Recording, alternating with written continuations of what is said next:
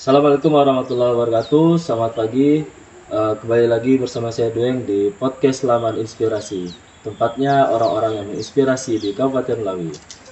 Nah, hari ini spesial nih. Kita di sekolahan lagi nih di SMP 3 Nangapino eh, dengan Mbak Fadila, panggil saja Dila. Ah, panggil saja ini Mbak Dila ini adalah salah satu tenaga pendidik di SMP 3 Nangapino. Nah hari ini eh, kita pengen ngobrol soal membangun karakter siswa nih Mbak, membangun karakter siswa di sekolah begitu. Nah ngomong-ngomong eh, Mbak Dila ini asalnya dari mana Mbak? Saya asli Jawa Tengah, tepatnya di Kabupaten Sukoharjo, Surakarta. Surakarta. Iya. Wah, jauh sekali ya. Berarti dari Jawa ke Kalimantan itu apa karena tugas atau apa Mbak? Sebenarnya awal tujuan pertama ngikut suami, tapi karena ada pembukaan lowongan CPNS tahun 2017. Nah, itu saya mengikuti. Akhirnya alhamdulillah saya keterima. Pertama saya tugas di Menukum, kemudian ini dua tahun saya udah tugas di Kebebu. dua tahun sudah Iya. di BB ini ya. Iya. Nah, gimana nih Mbak? Eh, kan udah dua tahun ya, artinya waktu awal-awal COVID berarti ya, awal-awal pandemi berarti diterimanya di apa, pindah ke Kebebu maksudnya.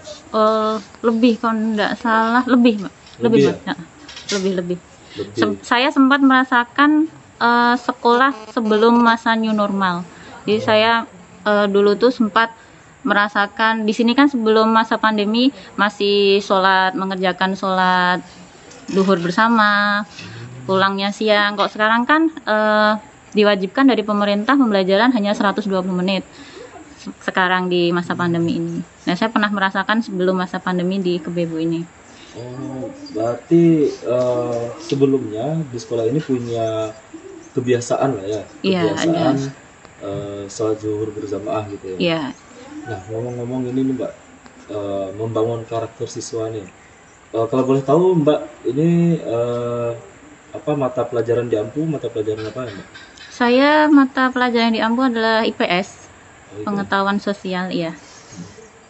Baik dari kelas 7, kelas 8, kelas 9, Hmm, IPS yang saya ampu. Oke. Nah, eh, kemarin kan saya cerita nih dengan Bang Herman Syah gitu, terkait dengan eh, bagaimana sih membangun atau mencapai visi eh, visi sekolah yakni berwawasan lingkungan. Nah, sudah cukup panjang lebar lah bercerita. Nah, hari ini eh, saya pengen tahu nih Mbak, bagaimana sih membangun karakter siswa di sekolah? Nah, sependek tahu saya kan pemerintah itu punya atau menetapkan beberapa eh, target lah Iya. dalam eh, apa namanya karakter siswa itu sendiri. Kalau boleh tahu ada berapa sih Mbak jumlah ini karakter siswa yang harus dicapai itu? Karakter pada umumnya yang ditetapkan pemerintah itu ada 18 ya, 18. Tapi eh, ada beberapa juga yang menjadi target sekolah. Dan itu pun sudah diterapkan dalam perencanaan pembuatan perangkat pembelajaran seperti pembuatan silabus dan RPP. Di situ ada penargetan karakter-karakter yang harus dicapai oleh siswa. Kemudian eh, misalkan eh, nilai religius, eh, kemudian jujur, cinta damai, nilai kebangsaan, eh, Integritas juga. ya? integritas, masih banyak lagi sebenarnya dalam penerapannya. Baik itu bisa diterapkan dalam lingkungan kelas ataupun di luar kelas, di lingkungan sekolah.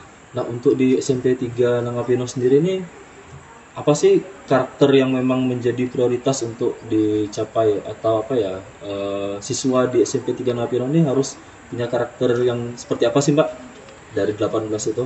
Sebenarnya yang paling utama itu tetap yang religius ya, Mas ya. Jadi eh, religius itu yang ditekankan utama. Jadi siswa itu awal masuk itu yang pertama harus berdoa. Baik itu mau memulai pelajaran ataupun mengakhiri pelajaran itu harus berdoa. Kemudian saya udah pernah bilang tadi di awal sebelum masa pandemi nilai religius itu bisa kita terapkan ketika sholat zuhur bersama ataupun kalau sekarang itu eh, penerapan dalam ekstrakurikuler keagamaan setiap hari Jumat itu ada Apa tuh Mbak ekstrakurikulernya itu? Eh, pemberian materi dari guru agama kepada siswa-siswa baik kelas 7, 8, 9. Oh semacam ini ya rohis ya berarti ya. Iya rohi, Kerohanian gitu Ha-ha. Kalau yang untuk yang non ada ada non muslim nggak sih mbak? Ada, cuman kita belum bisa membackupnya, tapi perencanaan sih dari ibu kepala sekolah nanti mau menghubungi apa ya pihak apa namanya ya suster ya, Oh, Ah, iya. kayak gitu. Dulu saya pernah dengar dari ibu itu pernah ada, tapi ini mau di backup lagi sepertinya. Oh, begitu. Ha-ha. Nah, eh, itu kan di sisi religius sih, Mbak. Karena di capaian karakter siswa itu kan ada 18 ya. Ha-ha. Nah, eh, sedangkan gini deh. Kalau untuk di sisi karakter integritas siswa ini seperti apa sih eh, apa ya? Penerapan dari sekolah sendiri, Mbak? Integritas eh, mungkin lebih ke osis ya, Oh, Ha-ha. osis itu paling itu. terus kalau eh, ada apa lagi tadi dia? ada kejujuran. Nah, Kalau kejujuran. tuh misalkan di kelas eh, siswa itu harus mengerjakan di apa mengerjakan tugas ulangan secara sportif, mandiri. Itu masuk nilai kejujuran. Kemudian disiplin siswa eh, pokoknya siswa harus mampu apa tuh mendisiplinkan diri misalkan dengan masuk kelas dengan tepat waktu seperti itu. Mengumpulkan tugas dengan tepat waktu. Kemudian cinta damai. Misalkan ada kawan yang sakit kita jenguk. Misalkan kemarin ada musibah di eh, apa tuh banjir di desa sebelah. Nah itu kita membantu anak-anak kita mengumpulkan sumbangan seperti itu. Itu juga. Kemudian nilai kebangsaan misalkan upacara bendera ataupun eh, memasang foto presiden wakil presiden seperti itu juga itu kita salah satu bentuk dari penerapan untuk mencapai ini ya karakter ini, iya ha-ha, ha-ha. saya pikir hanya ya memang kewajiban sekolah majang foto presiden wakil apa eh, presiden wakil presiden kemudian eh, gubernur wakil gubernur. Ternyata itu memang eh, tujuannya untuk mencapai tadi itu ya nilai-nilai kebangsaan. Sebenarnya memang kewajiban juga tapi itu diselipkan untuk karakter siswa juga. Oke, oke. nah gini mbak eh, dalam apa selama masa penerapannya itu kendalanya apa sih mbak? Kan gini nih eh, seperti contoh lah kayak di beberapa sekolah yang memang eh, kebetulan saya kenal dengan guru-gurunya tenaga pendidik di sana itu banyak sekali kendala-kendala misalnya nih eh, di sekolah eh, guru-guru ini sudah sudah mencoba untuk eh, untuk membangun eh, nilai-nilai karakter tadi itu Mm-mm. tapi ketika sudah pulang ke rumah kadang-kadang eh, tidak diterapkan nih oleh siswa. Nah, sampai kemudian balik lagi ke sekolah, mulai lagi dari nol harus harus disampaikan lagi oleh guru. Kalau di sini ada ada kendala nggak sih, Mbak? pasti ada kendala. Sebenarnya yang namanya pendidikan karakter itu kan harus ada dua pihak. Maksudnya dari pihak sekolah sama pihak orang tua di rumah eksternal dan eksternal kan. Nah mungkin dari kita misalkan udah mencoba siswa itu untuk gimana penerapan eh, sikap sopan santun ke siswa. Tapi kadang ada siswa yang ya tahu sendiri ya sekarang kayak apa siswa. Nah itu kadang agak susah membackupnya. Nah terus ada juga eh, misalkan siswa yang terlambat atau apa. Nah itu kadang kepala sekolah juga memberikan sanksi. Misalkan sanksinya ini tidak tidak hanya asal sanksi gitu tidak.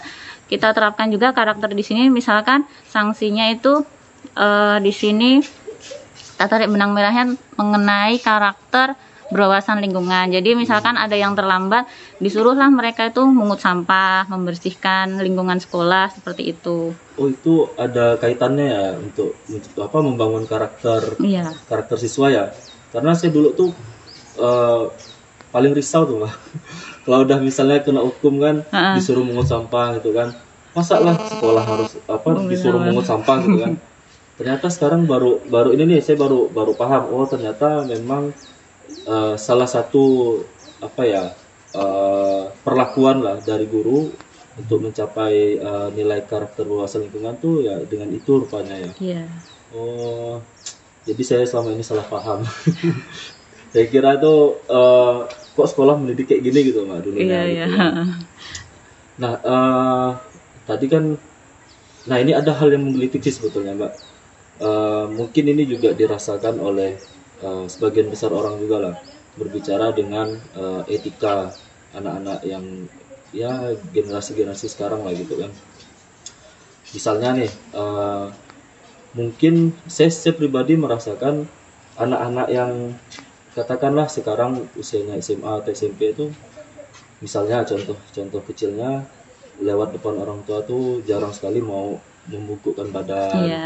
terus uh, ketemu orang yang lebih tua tuh misalnya kalau kita kan dulu harus salaman gitu kan Mm-mm. dididiknya kalau misalnya kita tidak melakukan itu orang tua udah melotot gitu. Mm-mm. nah kalau sekarang tuh saya lihat kayaknya apa ya selembe ya atau slow ya anak-anak Santai tuh. aja. Ah, macam macam tidak ada apa-apa gitu Iya. nah peran sekolah terhadap hal ini gimana mbak Sebenarnya sebelum masa pandemi ya, Hmm. em, untuk kebiasaan ya, itu termasuk kebiasaan sekolah salaman, seny- 3S ya, senyum sapa salam, nah, itu sebenarnya udah diterapkan. Cuman karena kita pandemi ya, itu memang terbatas kan untuk menerapkan itu semua. Baik dari baik apa lebih ke salamannya agak susah. Tapi kalau eh, misalkan ada siswa yang kurang sopan atau gimana tetap ditegur. Nah, di samping itu kita tetap ada yang namanya pendidikan karakter. Jadi ekstrakurikuler kita tuh ada dua mas, ada pendidikan agama itu yang mengarah ke religius dan pendidikan karakter. Kalau pendidikan agama biasa hari Jumat, kalau pendidikan karakter itu biasa hari Sabtu. Biasa yang mengampu itu Pak Hirman. Oh, Pak Herman Ya, uh, luar biasa beliau ya. uh, Nah, ini sebetulnya eh, sebetulnya saya kan sekarang mahasiswa juga Mbak. Jadi saya tuh ngerasain eh, pembelajaran daring ini apa ya? Ada ada hal yang memang kita tidak dapat gitu loh. Salah satunya eh, kayak tadi tuh kalau misalnya kita tatap muka kan ada interaksi terus terjadi apa ya namanya ya eh, membangun apa hubungan emosional juga dengan dengan apa dengan tenaga pendidik juga Nah, dalam konteks eh, apa namanya membangun etika tadi itu, saya ngerasakan sendiri kalau pembelajaran daring ini kan apa ya kita bisa sambil baring-baring, kadang Iya. yang yang cewek bisa sambil nyapu segala apa kan. Nah, kalau untuk anak SM eh, anak SMP sendiri ini gimana gitu, Pak? Kan tadi eh, saya belum dapat jawaban-jawaban ininya nih peran sekolah tadi untuk eh, membangun eh, etika etika siswa tuh supaya apa ya mengikuti norma-norma yang ada gitu mbak. Sebenarnya membangun etika tuh kita udah eh, sebisa mungkin menerapkan itu tadi pendidikan karakter itu tadi pak mas. Hmm. Ah, itu lebih ditekankan. Jadi per pertemuan tuh ada materinya. Misalkan eh, minggu pertama tentang tata krama atau nanti minggu kedua tentang yang lain misalkan. Nah untuk pembelajaran sendiri di SMP 3 ini lebih ke luring. Kalau daring eh, kita mem- memiliki kendala terutama sinyal di sini. Sinyal yang di hulu kan agak susah sinyal. Paling paling mentok itu paling kita pakai fasilitas via WhatsApp. Itu pun kita ngirim ya namanya materi dan lebih sering ngirim soal ataupun jawaban siswa itu aja. Nah pas masa pandemi sebelum kita bisa tatap muka itu siswa untuk mensiasati daring itu tadi siswa paling seminggu masuk dua kali untuk mengambil soal nah itu. Itu sebenarnya memang kurang efektif sih. Nah, ah, memang kurang efektif. Tapi kalau kita meng- menerapkan sistem daring yang seperti di kota-kota besar ya kita belum mampu belum bisa karena itu tadi terkendala sinyal itu tadi. Artinya eh, akan terhambat dong untuk apa namanya membangun karakter siswa di kondisi pandemi sekarang nih mbak ya bagi sekolahan gitu. Oh, sebenarnya tidak juga karena kita sudah selama ini kan udah masuk kan udah tatap muka. Jadi bisa um, karakter siswa sih sudah bisa ditanamkan apalagi udah ada pendidikan karakter yang setiap seminggu sekali kita adakan. Kita masukkan itu dalam uh, kegiatan ekstrakurikuler siswa. Artinya di eh, kan tadi kan dijelasin tuh eh, di masa-masa yang eh, pandemi tadi tuh Mm-mm. kan siswa hanya datang ke sekolah ngambil soal terus pulang kan. Mm-mm. Nah, eh, apakah ekstrakurikulernya itu eh, ekstrakurikulernya itu tetap berjalan? Oh, yang itu ya. Nah, artinya kan eh, kan ini apa ya? Kalau misalnya berjalan kan apa uh, kontradiktif itu mbak terbatas, kok uh, sekolah sekolah sekolah tidak tatap muka tapi ekstrakurikuler jalan gitu Kalau yang itu memang ekstrakurikuler tidak tidak jalan. Kalau yang em, semester ini semester tahun pelajaran 2021 2022 2022 ini baru diterapkan ekstrakurikuler yang penanaman karakter. Sebenarnya ini ekstrakurikuler ada tapi sempat dipending karena masa pandemi. Kan ini kan boleh tatap muka kan asalkan dengan ada surat pernyataan dari orang tua siswa. Kalau kita melihat karakter siswa pas masa eh, daring sama itu tadi ya. Seminggu dua kali siswa datang itu tetap kita bisa lihat dengan cara mengontrol kedisiplinan siswa bagaimana dengan siswa mengumpulkan tugas tepat waktu seperti itu sih. Terjadi itu enggak mbak? Apa ya eh, perbedaan gitu. Jadi kan mbak tadi kan sudah sempat nih pas di SMP SMP 3 ini kan sebelum pandemi Mm-mm. kemudian sekarang kondisinya udah pandemi gitu Mm-mm. Eh, terasa nggak sih perbedaan gitu mbak Sangat dalam, dalam terasa. hal karakter Iya, itu? sangat terasa. Apalagi yang kayak bersalaman kebiasaan-kebiasaan sekolah, kemudian ekstrakurikuler sekolah ini sebenarnya tidak hanya dua itu, pendidikan karakter sama agama, tetapi banyak sebenarnya ekstrakurikuler di sekolah. Dulu ada eh, kesenian, ada olahraga. Nah, itulah kita terbatas tidak bisa melaksanakan ekstrakurikuler yang itu. Itu kan men- apa menumbuhkan kreativitas siswa. Kreativitas kan termasuk dalam nilai karakter juga. Kalau kreativitas sekarang paling eh, mentoknya tumbuh dalam pengerjaan tugas siswa yang di kelas. Tapi kalau eh, kreativitas melalui ekstrakurikuler yang kesenian, olahraga itu agak terbatas sekarang.